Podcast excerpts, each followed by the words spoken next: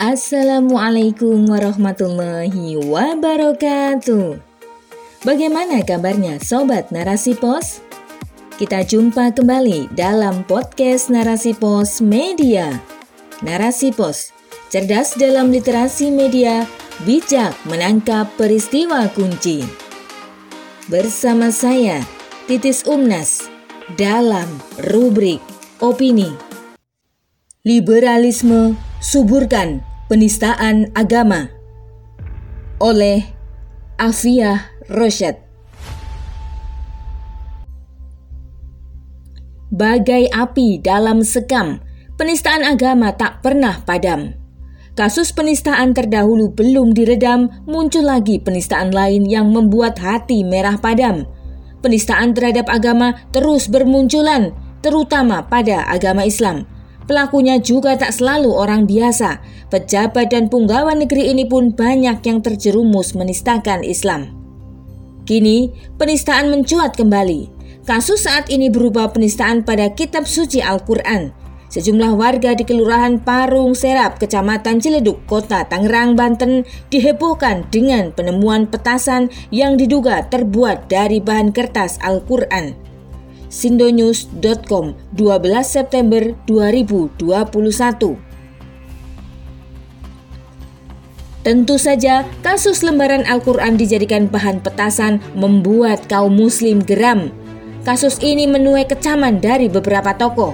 Pasalnya, lembaran Al-Quran tak pantas dijadikan bungkus apa pun, apalagi dibuat sebuah media petasan. Kecaman dan tuntutan tindakan tegas datang dari salah satu tokoh Muhammadiyah. Sebagaimana dilansir sindonews.com 12 September 2021, Ketua Umum Majelis Hukum dan HAM Pimpinan Pusat Muhammadiyah Trisno Raharjo mengecam dugaan kertas Al-Quran digunakan sebagai pembungkus petasan. Muhammadiyah meminta aparat mengusut kasus ini sesuai hukum. Akar masalah penistaan agama. Penista agama Islam tak ada habisnya. Belum rampung seorang YouTuber bernama MKC muncul lagi petasan dari lembaran Al-Quran. Kaum muslim yang berjumlah mayoritas di negeri ini terzalimi tiada henti, baik dengan berbagai ujaran kebencian terhadap Islam, ajaran Islam, hingga pelecehan Al-Quran dengan menjadikannya petasan. Sebelumnya, kasus-kasus penistaan yang menimpa Islam dan kaum muslim hanya berujung pada permohonan maaf. Islam terus menjadi bulan-bulanan bahan candaan dan hinaan atas nama kebebasan berperilaku. Longgarnya sanksi bagi penista agama masih segar dalam ingatan bagaimana kasus dugaan penistaan agama yang dilakukan Yosep Paul Zhang yang hingga sekarang kasus tersebut seakan belum ada keputusan. Dia memang sudah ditetapkan sebagai tersangka dan masuk dalam daftar pencarian orang. Namun, perkembangan kasusnya disebut-sebut terkendala yurisdiksi. Bahkan, halayak sering menyaksikan muara penistaan tak tersentuh hukum karena permohonan maaf yang terlebih dahulu diucapkan penista.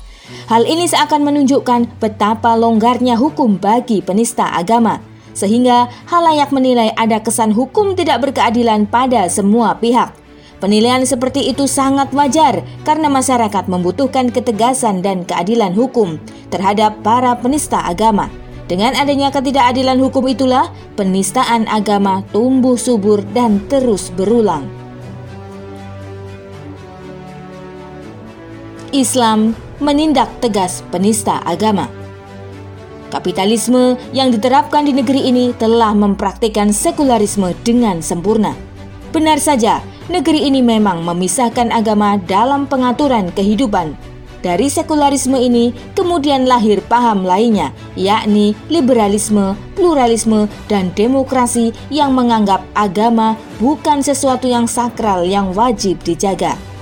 Jika umat melakukan aksi menuntut hukuman tegas bagi penista agama, umat Islam diminta bersabar dan memberi maaf. Tentu saja, kondisi saat ini bertolak belakang dengan kondisi saat Islam diterapkan dalam kehidupan. Dalam Islam, agama adalah sesuatu yang wajib dijaga dan dimuliakan.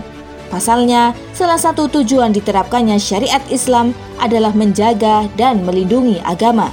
Negara tidak akan membiarkan para penista tumbuh subur dalam sistem Islam.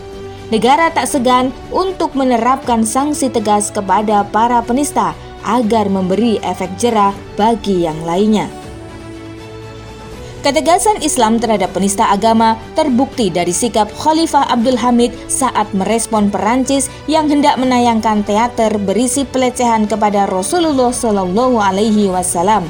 Saat itu, beliau memanggil duta besar Perancis dan meminta penjelasan atas niat Perancis yang akan menggelar teater yang melecehkan Nabi Shallallahu Alaihi Wasallam.